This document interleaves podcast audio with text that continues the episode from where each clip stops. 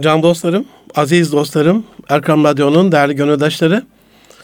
Hepinizi Erkam Radyo Çamlıca Külliyesi'nden sevgiyle, muhabbetle, dua ile selamlıyorum.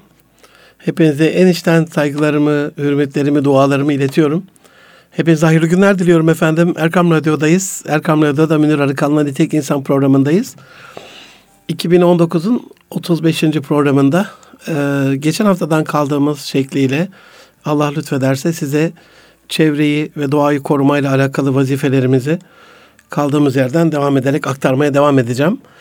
Daha iyi bir dünya, daha iyi bir gelecek, daha iyi bir Türkiye, daha iyi bir çevre, daha iyi bir insanlık biliyorsunuz içinde yaşadığımız dünyaya bağlı. E, bununla alakalı e, sadece kaygılarımızı değil, sadece işin e, olumsuz yönlü değil ama yapabileceklerimizi de anlatmaya inşallah devam edeceğiz. Aziz dostlarım bize ulaşmak isterseniz nitelikli insan et erkamradyo.com e-mail adresimiz her zaman emrinize amade. E, aynı zamanda et Münir Arıkan ya da e, et Erkam Radyo tweet adreslerinden bize ulaşabilirsiniz. Her zaman bahsediyoruz, her zaman konuşuluyor. Özellikle israfla alakalı, dünyayı çok hoyratça kullanmayla alakalı, kaynakları çok hızlı tüketmeyle alakalı inanın her zaman konuşuluyor. Biraz daha tasarruf, biraz daha böyle e, değerlere sahip çıkmakla alakalı, biraz daha koruyucu, kollayıcı, biraz daha sürdürülebilir olmakla alakalı genellikle çok sıklıkla duyduğumuz bir laflardan bir tanesi oluyor bu ama e, bununla alakalı bilinç oluşması ve bunun uygulanması e, epey zorluyor bize. Dünyanın bir emanet olduğunu söylemiştim geçen programda. Ee, Rabbimizden bir emanet onu bizim için var etti. Yani şu ana kadar görülebilen, bilinebilen evrende ulaşabildiğimiz kadarıyla başka bir hayat yok. Olmadığını da düşünüyorum. Olamayacağını da düşünüyorum. Yani e, çünkü göğü bizim için süs için yarattığını söylüyor Rabbim. Sadece bizim için bir süs. Onun dışında orada burçları var den Rab yarattığı canlı varlıkla alakalı sadece dünyadan bahseder, insanlardan, cinlerden ve meleklerden bahseder. Hani bulunsa da muamelatın nasıl olacağı bilinmediği için bu sefer dini açıdan çok büyük bir boşluk olacak diye düşünüyorum. Ha şöyle 20 milyar yıl sonra evren daha genişlediğinde şu anda 13.7 milyar yaşında. Ee, o da zaten bizim imtihanımızın şey değil ahir zamandayız. Kıyamete doğru gidiyoruz. Yani bizim şu kalan garip ömrümüzde elimizde bir dünya var onu korumayla alakalı, onu kollamayla alakalı oradaki canlıları, bitkileri, doğayı, çevreyi, atmosferi, yeraltı enstitüsünü korumayla alakalı e, biraz bir bilinç e, geliştirmek istiyoruz. Öyle bir dünya ki aziz dostlarım yani rahatımız ve huzurumuz için, hayatımız için bize e, lütfedilmiş bir emanet ama daha dışındaki atmosferden, uzay çöplerinden, her gün böyle birbirimizi öldürmek için kullandığımız silahlardan, attığımız nükleer bombalardan, Şimdi Amerika'da e, Amerika'ya ulaşmasın kasırgalar yaklaşırken Meksika körfezinde yok edilebilsin diye kasırganın ortasına acaba atom bombası atabilir miyiz gibi dünya e, hayatına e, bir tehdit olabilecek bir fikir maalesef tartışılıyor bile. Bu anlamda hani sahip olduğumuz kaynakları e, kadir kıymet bilmeden atmosferini, oradaki gazların belli bir oranı var yani bu sadece dünyada var, bize özel. Belli ki bizim için hayatı lütfeden Rabbin bir karışımı. E, dolayısıyla bunu kirletmeden, oradaki havayı küresel ısınmayla daha fazla ısıtmadan illa kirletmek hayati derecede e, bize bir şey olmuyor, tehdit olmuyor. E, atmosferin oradaki azalması, ozon tabakasındaki ozonun oranının azalması elbette bir tehdit ama onun birkaç derece ısınması bile e, kutupların erimesiyle alakalı 20 milyar ton suyun her gün suyun deme, demeyecektim özür diliyorum 20 milyar ton buzun e, her yıl eriyerek, her gün eriyerek soldu e, söylüyordu geçen haftaki bir kaynak, ulaştığım bir kaynak. Bu anlamda yani havasını, suyunu, denizini özellikle geçen hafta çok değindiğim içilebilir su oranını korumak gerekiyor. Biliyorsunuz 1, 1 milyon 200 bin nefronumuz var. 2 böbrek 2 milyon 400. E, bunlar bizim pom süzeklerimiz. E, suyu yediğimiz her şeyi, her türlü gıdayı e, kana karışacak düzeyde ayarlayabilen tek mekanizma yoksa diyalize falan girmeniz gerekiyor. Onun da ne kadar zahmetli olduğunu sadece girenler ve onların akrabaları, yakınları e, bilir. Bu anlamda zahmetsiz bir şekilde yumruk büyüklüğünde iki tane küçük böbreği koymuş. Orada süzek olarak Rabbim çalıştırıyor. E, dolayısıyla bunun da kirletilmemesi gerekiyor. O anlamda suyun da temiz olması gerekiyor. Ama o su kaynaklarıyla alakalı da e, dün böyle Antep dönüşünde şöyle bir baktım İstanbul'un su kaynaklarına yavaş yavaş böyle her ne kadar oradaki baraj kenarları e, baraj havzası diyelim artık yapılanmaya yerleşime izin verilmemiş olsa da yavaş yavaş böyle küçük küçük evler e, bıtrak gibi e, bitmeye başlamış. Allah muhafaza e, İstanbul'umuzun suyunu da kirletmeye kimsenin hakkı yok diye düşünüyorum. Aynı zamanda karaların kirletilmesi, oradaki bitki örtüsünün kirletilmesi. Biliyorsunuz e, Güneydoğu'da bir anız yakma diye bir şey vardır, bir baş belası.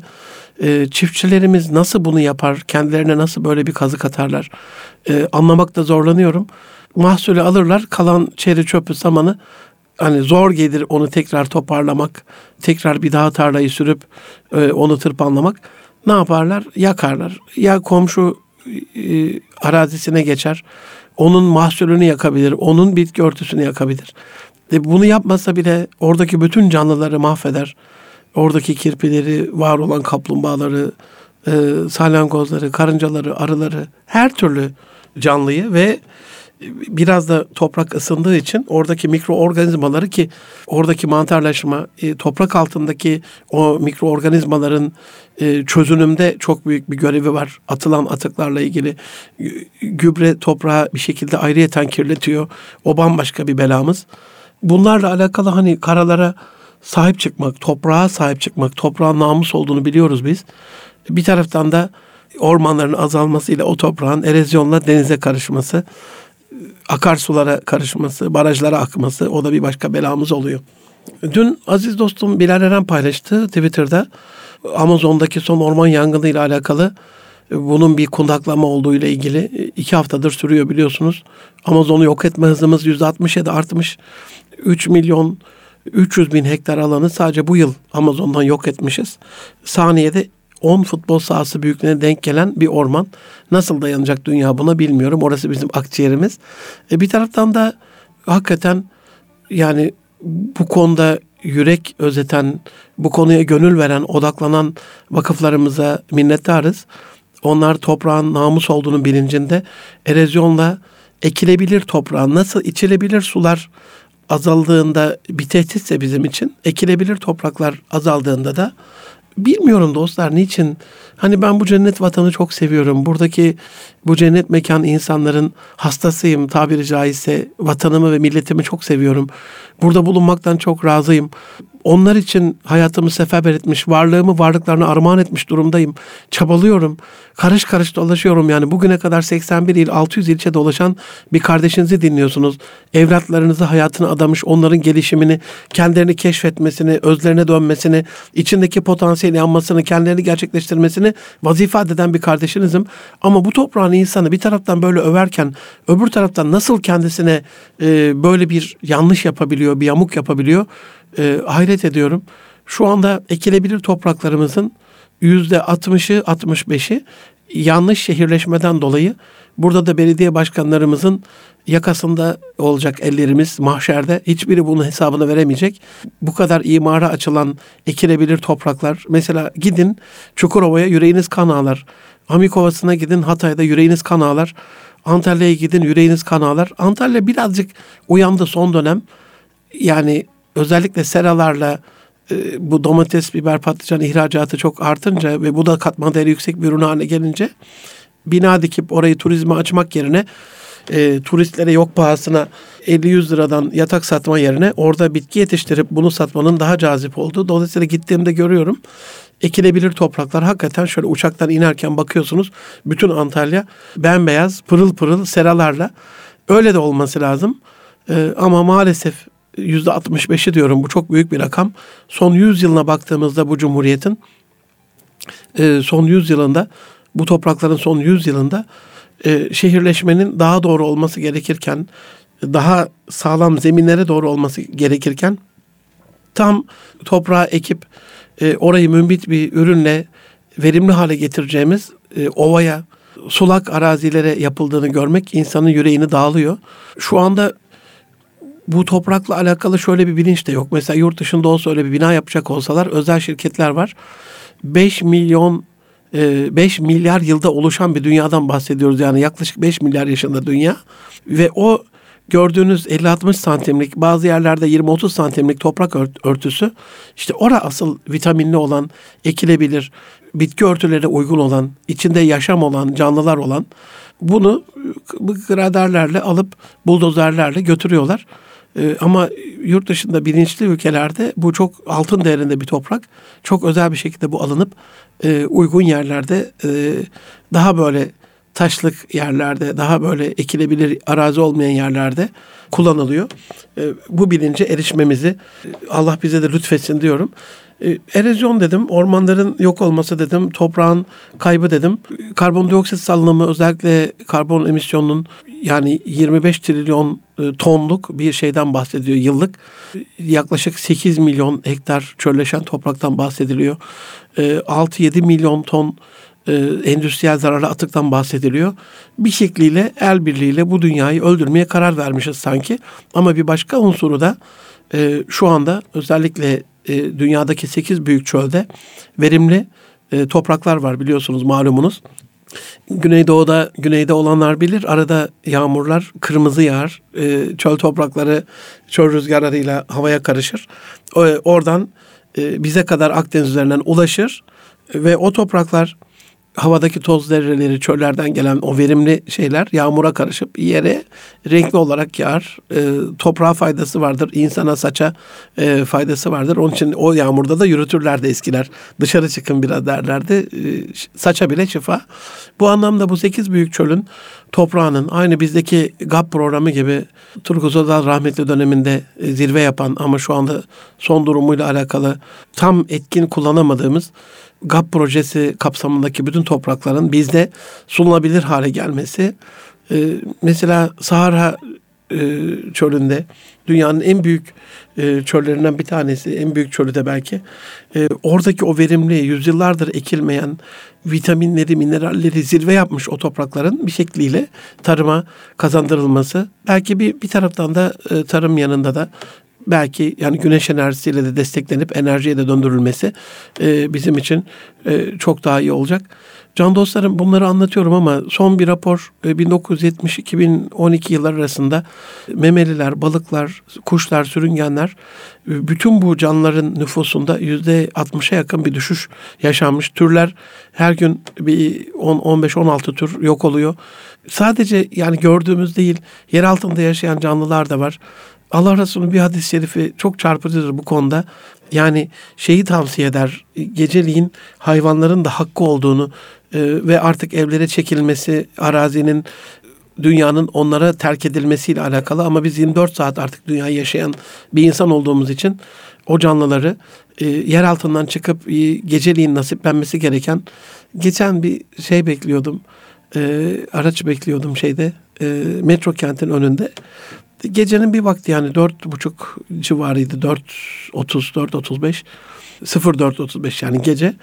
E, bir tane e, küçük bir böcek ölmüş. Kelebek gibi falan veya bir başka bir ona benzer bir böcek. E, ölüsü orada duruyor. O minik minik karıncalar gelip nasıl onu parçalayıp götürüyorlar. Allah'ım dedim yani sabaha kadar işte belediyenin çöpçüleri de bunlar. Temizlik işçileri bunlar. Görünmez temizlik işçileri. Bir tane bile organizma bırakmıyorlar. Sabahleyin orası pırıl pırıl. Hiçbir şey için zararlı bir şey kalmıyor yani. Öyle bir sistem kurmuş. Ee, asla sebepsiz yaratılan bir şey yok. Asla zarar verici bir şey yok bir öyle bir besin zinciri var ki birinin e, atı öbürünün yiyeceği öbürünün artı öbürünün paylaştığı oluyor. Kurulan sistem böyle güzel ama yaşanan sistem nasıl derseniz onda tereddütlerimiz var. Aziz dostlarım sadece yer altında yaşayan canlılar değil suların altında denizlerde yaşayan canlılar da tehdit altında suları kirletiyoruz. Petrol tankerleri e, petrolleri taşırken benim küçüklüğümde Independence diye bir katliam olmuştu böyle bir e, boğazda. hiç onu unutamıyorum. Gazetelerin manşetlerinde bütün İstanbul Boğazı'nı simsiyah bir dumanla e, düşünün. Boğaz'da göz gözü görmüyor. Böyle bir hafta süreli yanmıştı. Boğaz'daki o tanker faciasında. E, çok etkilemişti beni. Zaten şu anda o Kanal İstanbul projesi de böyle bir daha böyle bir şey yaşanmasın diye herhalde düşünülen e, devlet yetkilileri tarafından bir projedir. Bu anlamda hani tankerler hem kendi kirlerini, paslarını denize dökmeleri, hem taşıdıkları şeyleri bazen kaza ile de olsa e, o petrolü e, denize dökmeleri ya da dökülmesine vesile olmaları. Bir taraftan plastikleri atarak denizde yaşayan canlıların 2020'den sonra 23'ten sonra e, denizlerde balık sayısı plastik sayısına daha az olacakmış. Plastik sayıları balık sayısını geçecekmiş. Böyle bir bilgi vardı. Bir taraftan türleri azalıyor. Bir taraftan bilinçsiz avlanma. Bir taraftan hani av yasağına uymama.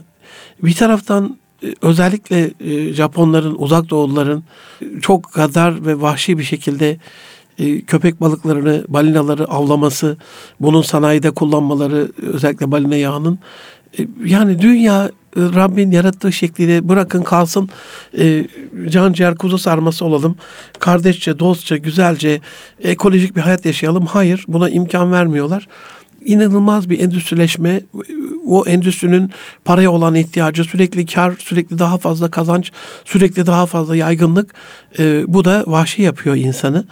E, yeryüzünde yaşayan kara hayvanlarıyla alakalı e, biliyorsunuz hani fillerin o kendileri için yaratılan, kendileri kullanımlarını kullanımlarında hayatlarını kolaylaştıracak iki tane dişi için katledilen aslında saç telimiz gibi yani saç saçımız gibi saç telimiz gibi özü keratin olan tırnağımız gibi özünde e, çok şifalı falan böyle cinsel açıdan hani afrodizyak bir şey bulunmamasına rağmen bir söylenti yüzünden gergedanların boynuzlarının e, kesilip o küçük boynuz e, sebebiyle hayatlarının mahvedildiğini yaklaşık 5 milyona yakın en son yakalamışlardı. Yakıldı çok büyük bir kule yapıldı e, Kenya'da fil dişi. E, yakalandığında da işte o kaçak avcılarla ilgili e, o barbar gaddar avcıların filleri yok etmesinden kaynaklanan bir şey. Gergedanlar bir şekilde yine öyle e, yok ediliyor. Yani insan bir güzelliğine bir dönem benim çocukluğumda Kürtler çok meşhurdu. Hani bütün sanatçı geçinen kişilerin üzerinde ama Mevlana Hazretleri asırlar öncesinden söylemiş giymiş birisi böyle kürkünü caka satarak giderken e, abe cahil demiş o o giydiğin kürk e, onun sahibini hayvanlıktan kurtarmadı ki seni kurtarabilsin. Hani bilinç o zamandan beri Müslümanlarda kadim medeniyetimizde bu coğrafyada çok yüksekmiş hayvanları öyle Kürtleri için öldürmemekle alakalı, katletmemekle alakalı. Ama hani çocukluğumda böyle 40 yıl önce, 45 yıl önce bir Avrupa'yı bir tarzdı. Sosyetik bütün geçinen kişilerin mutlaka 2-3 tane kürkü olurdu. Bununla da yollarda da epey görürdük yani. Elhamdülillah çok azaldı. Şu anda böyle bir bilinç var ya o canlıların o masum canlıların öldürmemesiyle alakalı şeyler vardı. Mesela Afrika'da çok görürdünüz e, belgesellerde e, böyle soyu tükenmekte olan nadir e, kuşların tüylerini saçlarına falan orasına burasına takarak bir, böyle bir caka satan insanlar. Orada bir bilinç oluştu. İnsan bir şekliyle sahip olduğu çevrede o doğayla, medeniyetle bir bağlantı kurarak yavaş yavaş bir bilinç e, yani Afrika'da yerler arasında bile gelişiyorsa hani onları aşağılamak adına söylemiyorum ama onlar için önemlidir yani. O kuşun tüyünün olması belki kabile reisliğini tasdik ediyor. Bizdeki bayraklar, flamalar gibi, arma, armalar gibi. Ama onlarda bile artık o kuşların soyunun devamının o tüyün kendi kafasında olmasından daha değerli olduğu bilinci oluşmuş durumda. Bunu çocuklarımıza bir şekliyle anlatmamız gerektiğini düşünüyorum. Yıllar önceydi yani belki bu anlattığım 45 yıl önce Osmaniye'deyim. Ee, bir küçük çocuk belli ki Güneydoğu'dan yeni göçmüşler. Elinde de bir kuş, yavru bir kuş. Gagası da o güne kadar görmediğim kadar upuzun bir şey. Hayvan da böyle hani ne uçacak ne ölecek. Yaralı gibi, yarası yok ama hasta gibi böyle bir şey almıştım elinden.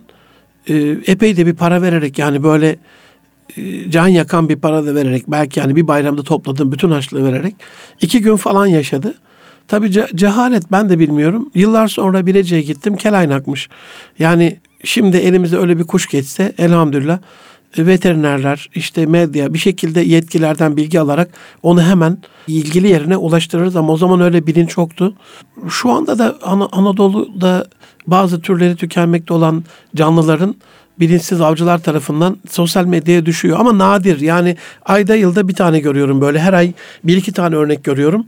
Bir bilinç oluştu çok şükür. Ama bunu biraz daha oluşturmak bu türlerin her birinin yani o hiçbir şeyi sebepsiz yaratmaz sırrınca onun mutlaka insanlık için, dünya için, çevremiz için, evren için bir faydası olduğu ve bunun bir Allah'ın tasarımı olduğu bilincini onlara verdiğimizde sadece yiyeceğimiz kadar. Zaten o da helal. E, bizim emrimizle musahhar kılmış. Ama e, hani atı binmemiz için vermiş tutup onu kesmek biliyorsunuz e, mekruh olmuyor. Ya da e, faydalı olan bir şeyi lüzumundan fazla israf ederek tüketmek harama giriyor. Haram oluyor israf haram olduğu için.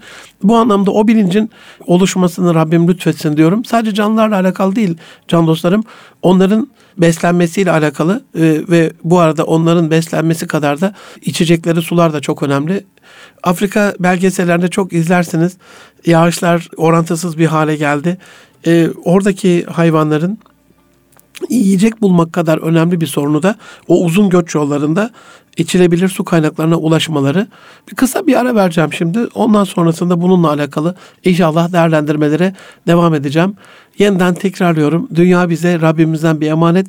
Ee, biz onu atalarımızdan miras olarak elimizde bulmadık. Çocuklarımızdan ödünç aldık. Ödünç aldığımız şey emanettir. Emanet namustur. İnşallah bunu çok yüksek bir hassasiyetle emanetin namus olduğu bilinciyle namus kadar e, riayet ederek koruyarak Rabbe öyle teslim ettiğimiz bir gelecek bize nasip olur. Az sonra yeniden görüşmek üzere efendim. Şimdilik hoşçakalın. Huzur bulacağınız ve huzurla dinleyeceğiniz bir frekans. Erkam Radyo, Kalbin Sesi. Aziz dostlarım, can dostlarım, Erkam Radyo'da Münir Arıkan'la Nitek İnsan programındasınız. Programın ikinci bölümünde radyolarını yeni açan dostlarım için geçen haftadan kalan daha yaşanılabilir bir çevre, daha temiz bir doğa ve çevreyle alakalı bilgiler vermeye devam ettiğimiz ikinci programın ikinci bölümündesiniz. Dünyanın bir emanet olduğundan bahsettik. Atmosferinden başlayarak ozon tabakasındaki ozon oranın azalmamasını, uzay çöpleriyle dünyanın kirletilmemesini, e, çok yakın bir gelecekte uzaya çıkışla alakalı biliyorsunuz roket yakıtları da atmosfere bir zarar veriyor. Böyle bir kota konacak gibi şu anda bir çalışmalar var. Ya da çok daha e, doğal, yenilebilir bir enerji kaynağıyla çıkışı bulacağız inşallah. Silahlarla, özellikle nükleer silahlarla, biyolojik silahlarla, kimyasal silahlarla dünyayı yok etmemiz, atmosferdeki faydalı gazları başta oksijen olmak üzere, ozon olmak üzere azaltmamız, kirletmemiz, oranını değiştirmemiz, e, atmosferi daha ısıtmamız, yukarıda bir hava tabakası oluşturup e, endüstriyel atıklarla, o dumanlarla, islerle, pislerle dünyaya ulaşan güneş ışınlarının dünyadan tek yansıyarak tekrar uzayda e, atmosfere çıkıp e, yok olmasını engelleyerek küresel ısınma dediğimiz o işte o kürenin içinde tutmak, atmosferin içinde tutmak her yıl birkaç derece artan ısıda ne olacak kutupların hali diye düşünüyor insan. Denizler bir taraftan içilebilir temiz suyun azalması, karalarda bitki örtüsünün yok edilmesi, ekilebilir tarım alanlarının yok olması, ormanların yanması, erozyonla toprak kayıpları, karbondioksit salınımları, hayvanların, o canlıların türlerinin yok olması, yer altında yaşayan canlılara hürmetsizlik, e, sularda yaşayan, denizde yaşayan canlılara hürmetsizlik, karada yaşayan hayvanlara, yeryüzünde yaşayan kuşlara bir şekliyle insanın işte bu çevresiyle olan e, medeni ilişkisinin yok olmakta olduğunu söylemiş ve en son hayvanlar için çok önemli olan suyu içilebilir sudan bahsetmiştik. Arada ben Eniz'e gittiğimde o kuş cennetine gidiyorum. Çok değişik böyle flamingolar falan oluyor böyle e, değişik tarzda kuşlar görüyorum. Boğaz'daki kuş geçişlerine bakıyorum. E, bu hafta da leylekler geçiyor. E, siz de izleyebilirsiniz. Yani kuşlar biyoçeşitlik açısından, oradaki hayatı canlandırma açısından çok önemli varlıklar. E, ama biz aşağıdaki e, gölleri yok ettiğimizde biliyorsunuz göller hızla küçülüyor. İçindeki su asalıyor. E, oran olarak on, onları besleyecek işte kurbağaydı, balıktı o tür canlılar e, yok oluyor hızla. Burada da tabii gübre, özellikle kimyasal ilaçlama, bilinçsiz bir şekilde orayı daha fazla kirletiyor. Onlar bizim dostlarımız. Ne kadar çok kuş göçü alıyorsa bir ülke o kadar doğaldır. Ne kadar çok fazla kuş göçü alıyorsa o kadar fazla turist alıyordur. Ee, çocukları o kadar temiz bir çevrede yaşıyordur. Ee, doğal hayat o kadar zengindir. Ee, bunu bilmemiz lazım. Sadece flamingolar için dünyada özel turizm e, gezileri, turistik geziler olduğunu biliyorum. Bu anlamda yani sadece e, bizde olan canlıların soylarını, türlerini koruduğumuzda düşünün Afrika'ya safari turu niye yapılıyor? Çünkü fil bizde yok bir zamanlar varmış. Zürafa bizde yok işte bir zamanlar varmış. Gergedan yok bir zamanlar varmış gibi. Biz de o doğal hayatı koruduğumuzda daha yaşanılabilir. Yani Allah'tan daha iyi bilecek halimiz yok. O canlıları belli bir düzen içerisinde, tertip içerisinde o var ettiğine göre Dokunmadığımız zaman insan dokunmadığı sürece canlıların kendisiyle alakalı iletişimi, ilişkisi, yeme içme düzeni hiç onların soyuna sopuna tehlike değil. Bilakis en zayıfları yakaladıkları için en az koşanı, en güçsüzleri, en hastaları yakaladıkları için soyların genetik olarak da diyelim e, timsah Serebriti nehrine giren e, ceylanları yediğinde orada en az zıplayan ceylanı yediği için o hızlı zıplayan, yükseğe zıplayan, hızla nehri geçen ceylanlar daha sonraki çiftleşmelerinde nesillerini koruyarak daha güçlü bir DNA ile yeni bir nesil oluşturmuş oluyorlar. Aslında timsah onlara iyilik yapmış oluyor. Bu anlamda hani biz dengeyi bozmadan her şeyi hayvanlar aleminde hayvanların hayatını hayvanlara bıraktığımızda inanın insanın müdahalesinden çok daha güzel kendi doğal seyrinde muhteşem bir şekilde devam ediyor. Ama ne zaman ki insan işin içine giriyor doğayla alakalı o zaman düzen kayboluyor. Bitkiler için canlılar için bir tehdit ve tehlike e, ortaya çıkıyor. Bir anlamda şu andaki yeryüzüne düşen yağışla alakalı gün geçmesin ki bir ilimizle alakalı bir sel felaketi ortaya çıkmasın. Gün geçmesin ki bir e, ekilebilir tarım alanlarında o aşırı yağıştan dolayı e, mahsul sular altında kalmasın. E, gün geçmesin ki bir bitkiyle alakalı işte don vurdu diyoruz ya. Tam böyle çiçekleri açtığında hava aniden soğuduğunda o çiçekler kurumasın. İlla e, bu sene kayısı yok deniyor. Gelecek sene çay yok deniyor. Öbür sene portakal yok deniyor. E, bir şekliyle beslenme kaynaklarımıza da zarar veren bir şeyin içerisindeyiz. Aziz dostlarım sadece bu kadar da değil. Bir taraftan da hani kimyasını bozduğumuz, çehresini değiştirdiğimiz, yapılanmalarla o doğal hayatı mahvettiğimiz yaşantımızın içerisinde, o şehrin içerisinde bir de sadece biyolojik, kimyasal, fiziksel kirliliğin dışarı, dışında bir de manevi kirlilik var. Yani nasıl bir manevi kirlilik? İnsan onuruna yakışmayan şeyler görüyoruz olaylar görüyoruz. Ya insanlık öldü mü dedirten şeyler görüyoruz. Bu manevi kirlilik. Bununla alakalı her aile kendi çocuğunu insanlık onuruna en uygun şekilde yetiştirse, yani bir şekliyle doğada bir şey bozulduğunda bir ormansa yandığında yeniden ekebiliyoruz. Akarsu kirlendiyse arıtabiliyoruz, temizleyebiliyoruz. Deniz bir şekliyle temizleyebiliyoruz petrol atıkları bile olsa. Ama insan lekesi çıkmıyor. Bununla alakalı da bir makalemde vardı. İnternetten bakabilirsiniz insan lekesi diye. Hakikaten insan lekesi bir kere doğaya e, düştüğünde insana, bir bölgeye, bir çevreye düştüğünde en çıkmaz leke insan lekesi oluyor. E, bu anlamda o manevi kirlilikten korumak adına e, ruhaniyetimizi biraz daha güçlü tutmak adına, moralimizi, motivasyonumuzu biraz daha yüksek tutmak adına bu kirlilikten e, arınmamız gerekiyor. Teknolojik o kadar çok baskı altındayız ki aziz dostlarım. Ee, şu anda çok uluslu şirketlerin o 200, 300, 500 milyar dolarlık şirketlerin, trilyon dolarlık şirketlerin sahipleri, CEO'ları, e, boardunda olan, yönetiminde olan kişiler inanın e, teknoloji detoksu diye belki 15 gün böyle bir sadece kitap okudukları, e, su içtikleri, meyve su içtikleri, farklı bir beslenme türüyle beslendikleri, abur cuburdan kendilerini uzaklaştırdıkları ve telefon falan asla kullanmadıkları, televizyon izlemedikleri bir hayatın içerisine giriyorlar. Bu o kadar çok kirlendi ki hani beden, e, ruh kirlenmez ama gönül zarar görmüş oluyor bundan bu manevi kirlilikten de kendimizi biraz e, arındırmak, insanları kirletmemek gerekiyor. Yani böyle de bir bilinç geliştirmemiz lazım. E, bir, bir taraftan da gürültü kirliliği var. Yani geçen bir komşumuz komşu grubunda yazmış. Allah'tan hani biz birinci kattayız. Bizle alakalı değil elhamdülillah ama o orta katlarda diyor geceliğin böyle bir e, sandalye çekilme sesi çok rahatsız ediyor. Bu bir gürültü kirliliği. Asansörde konuşma, holde konuşma, e, apartmanın ortak koridorunda konuşma, bir gürültü kirliliği. Evinizde bile çok yüksek sesle hani çocuklar bazen bana alınır, kırar, üzülür. E, baba bu kadar da hassas olunmaz diye ama ben hakikaten çok hassasım bu konuda. E, eğer müstakil bir evde yaşamıyorsanız orada bile çevrenin bir hakkı var. Yanınızda bulunan manevi e, varlıkların hakkı var. Bunu gözetmek lazım. E, hani vur, vur patlasın, çal oynasın tarzı bir hayat bizde yok. Olmaması da lazım. O anlamda yani sesin komşuları da rahatsız etmeyeceği bir şekliyle onlara da zarar vermeyecek bir şekilde olmasıyla alakalı. Geceliğin Başakşehir'de oturuyorum ben aziz dostlarım. Hani biraz da böyle mütedeyin e, gibi kabul edilen bir çevre. Ama bilmiyorum Başakşehir Emniyet Müdürlüğümüz bu konuda ne yapıyor?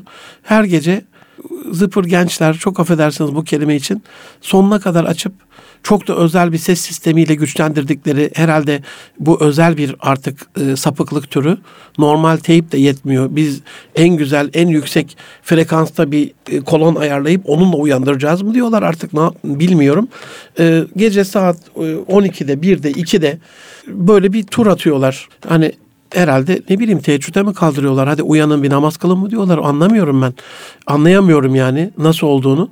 Veya yeni bir sapıklık türü çıktı. Gürültü kirliliğini anlatıyorum. Gece 1'de 2'de havai fişek olur mu can dostlarım? Yani bilmiyorum. Biz büyüklerimizden böyle öğrenmedik. Yani maksimum hiç olmaz da hadi oluyorsa 9'da e, şimdi yaz saatine göre maksimum hadi olsun 10'da o bir de hani çok şey geç. 6, 7, 8 ne, ne zaman atabiliyorsanız 9 hadi 9 diyelim hadi tamam. Akşamdan da bir saat sonra havada kararmış oluyor illa görüntü önemliyse veya özellikle e, Akdeniz ve Güney illerinde şu anda şeyde de görüyorum bunu. Doğuda da görüyorum. Ee, bir, bir özel bir düğün türü var bir hafta süren. Davullu, zurnalı, ondan sonra halaylı. Yani en azı 2-3 gün sürüyor ve gece yarılarına kadar orada hastası var, yaşlısı var, yeni ameliyattan çıkmış olanı var, uykusunu alamamış olanı var, yarın önemli bir toplantısı olan var, yarın sınava girecek olan var. Çok önemli bir konuyu ailesiyle konuşacak olan var. Böyle bir dinginlik içinde huzurla ibadet halinde olan var. Bilmiyorum bu kul hakkını nasıl e, telafi edecekler. Geçen ben bir emniyet müdürümüze sordum. Orta Anadolu'da bir ilde. Efendim dedim yani kültürümüzde diyelim böyle bir şey var. Yok ama bu sonradan bize dayatılmış bir kültür. Şu anda biz de dedim mesela böyle bir Kur'an-ı Kerim ya da bir dini bir sohbet ya da bir ilahi hoparlörden verip yansıtabiliyor muyuz? Yani bütün şehre yayabiliyor muyuz? Hocam ona izin vermezler dedi yani bir emniyet müdürü. Hani İslami anlamda, imani anlamda, insani anlamda bir şeye izin yok ama müzik olduğunda nedense 12'ye kadar kimsenin dokunmadığı, 12'den sonra da 2, 3, 4, 5'e kadar da devam eden e, gece kulüpleri var. Ben en son Konya'da bir şikayet ettim. 2-3 defa polis de geldi. Ben de indim. Bulduğum otelin yanındaydı hemen. Hocam bir şey yapamıyoruz dedi gelen arkadaşlar en son ikinci şikayetten sonra. E, ama uyutmayacak bir düzeyde e, bir de zemin katında, bodrum katında olmasına rağmen yukarıya ayuka çıkan bir ses e, kirliliği. Bilmiyorum kulak olduğunu düşünüyorum ben çok büyük bir kulak olduğunu düşünüyorum. Bazı insanlar vardır. Yarınları çok önemlidir. Yarın ne yapacakları çok önemlidir. Herkesin yarını aynı değil. O yarın geceden belli oluyor ve bir insan bir kere uyandığında bir daha uyumayabiliyor. Bu tür hassas insanlar var. Yani elinizden yanlışlıkla bam diye düşürdüğünüz bir tencere bile alt kat, üst kat, yan kattaki komşulara uyandırabilir. Bu anlamda hani gece ben çocuklarıma şeydir vasiyet gibi bir sözümdür. Geceliğin temizlik olmaz, bulaşık olmaz, çamaşır olmaz, makine açılmaz. E, çünkü o çamaşırı sıkarken yoğun bir ses e, oluşturuyor. Ya da 12'den sonra saç kurutma bile eğer yan tarafa gidecek düzeyde böyle büyük bir makine ise o bile çalıştırılmaz. E, kul hakkına riayet etmemiz kul hakkına riayet ettiğimiz sürece uygar ve medeni olacağımızı bilmemiz bu anlamda yetiyor gibi düşünüyorum. Görüntü kirliliği e, en büyük e, zararlardan bir tanesi çevremizle alakalı. E, tabii burada estetikten, sanattan yoksun bir nesil yetiştirdiğimizden dolayı e, geçen çevre yoluna gidiyorum. Fatih Sultan Mehmet Köprüsü'nden Mahmut Bey'e doğru gidiyorum. Hemen sağ tarafta görürsünüz siz de e, gişelere bir 2-3 kilometre, 5 kilometre kala sağda E, müteahhit böyle eskiler meşhurdur. Hani Arapça kuyruklu bir vav. Vav çiziktirmek derler buna. Camilerde de yapılır. Evlerde de yapılır. Bir vav çiziktir demiş ya binaya. Hemen yolun kenarı yani. E, o da e, V, A, V yapmış tuğlalarla vav işte al sana vav. Estetik anlayışımız bu kadar yani bir vav çiziktirmek Türkçe harflerle V, A, V olduysa binada ve bunu yapan da doğru yaptığını düşünüyorsa üstelik bunun estetik olduğunu düşünüyorsa bilmiyorum. Herhalde yandı gülüm keten demekten başka bir çaremiz kalmıyor. Allah Resulü'nün oğlu İbrahim vefat ettiğinde o minik yavrusu şimdiki Cennetül Baki gittiğinizde görmüşsünüzdür böyle. Ee, yani Medine'nin böyle şey bir bir kenar şeyidir, mahallesidir. Ya da yani böyle hani bir Mescid-i Nebevi değildir yani bir bahçedir sonuçta.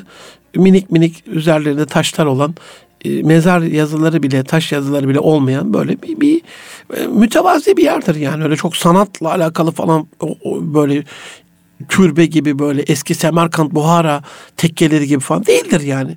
Oldukça mütevazi taş ve topraktır yani. Böyle bir yerde bile defin işlemi yapıldıktan sonra mezarda bir avuç içi kadar böyle bir boşluk kalıyor. Ey mezarcı diyor orayı kapat diyor. Yani mezarcı da itiraz etmez ama itiraz edeceği tutuyor. Çünkü 1400 sene sonraki ümmetine ders çıkacak.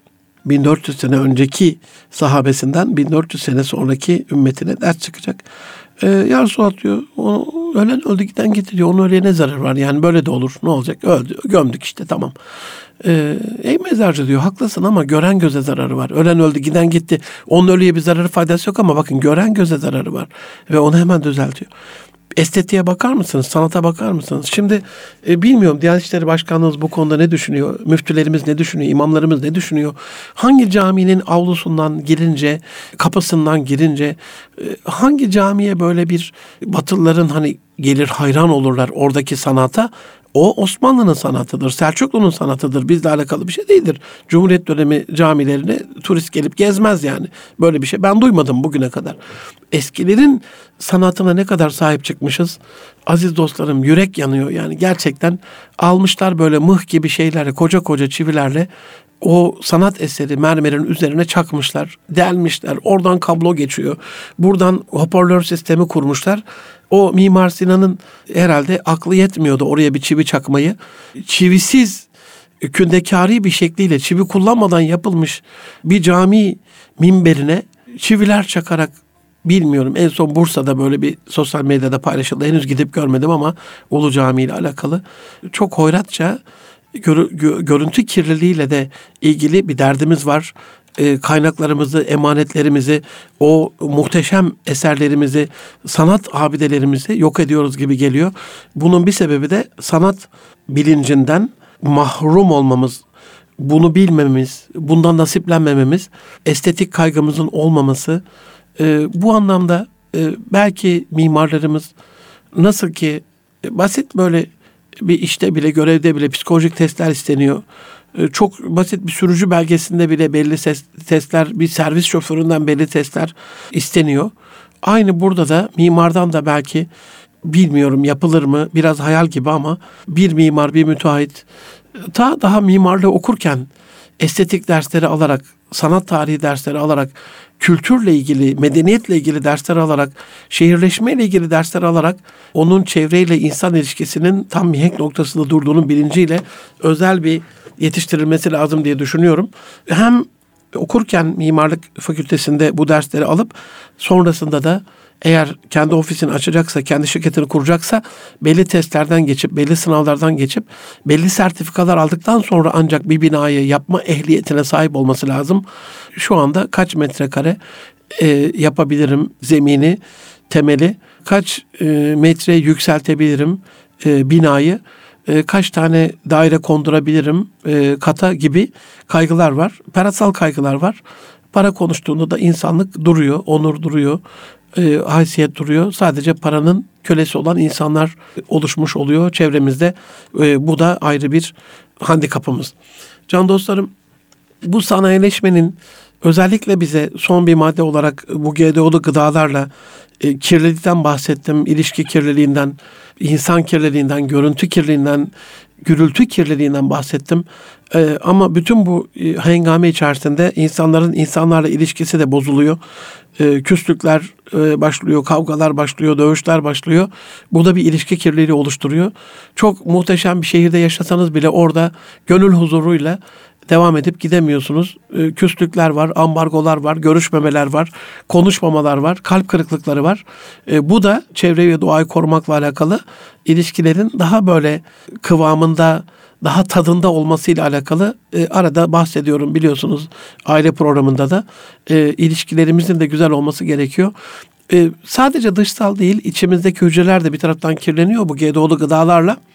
Bu anlamda çok e, ehli namus sanayicilerimizin e, GDO'suz belki çok fazla karları olmayacak ama insan hücresini ve hormonunu bozmayan organik gıdalar üretmesi ve bunu topluma vermesiyle alakalı bir bilinç var diye düşünüyorum. Bu sahneleşme ve tüketim çılgınlığı bizim bir taraftan kirlettiğimiz dünyayı, öbür taraftan da koruma, geliştirme, onarma, iyileştirme ile alakalı çabamızın çok çok gerisinde kalıyor. Yani e, onardığımızdan, iyileştirdiğimizden daha çok hasta ediyoruz. Herkes karınca kararınca elinden geldiğince inşallah bu emanet edilen dünyaya, oradaki canlılara ve kendi canına, o canın diğer canlılarla ilişkisine dikkat ettiği sürece de daha yaşanlı bir dünyada olacağımız çok kesin. Ee, can dostlarım şimdilik bu kadar diyelim. Gelecek hafta bir başka konuda görüşmek buluşmak üzere. Çevrenizi, doğayı, dünyayı, kendinizi, ailenizi, çevrenizdeki bütün ilişkilerinizi koruduğunuz, iyileştirdiğiniz, onardığınız bir gelecek diliyorum. Hoşça kalın. Allah'a emanet olun efendim.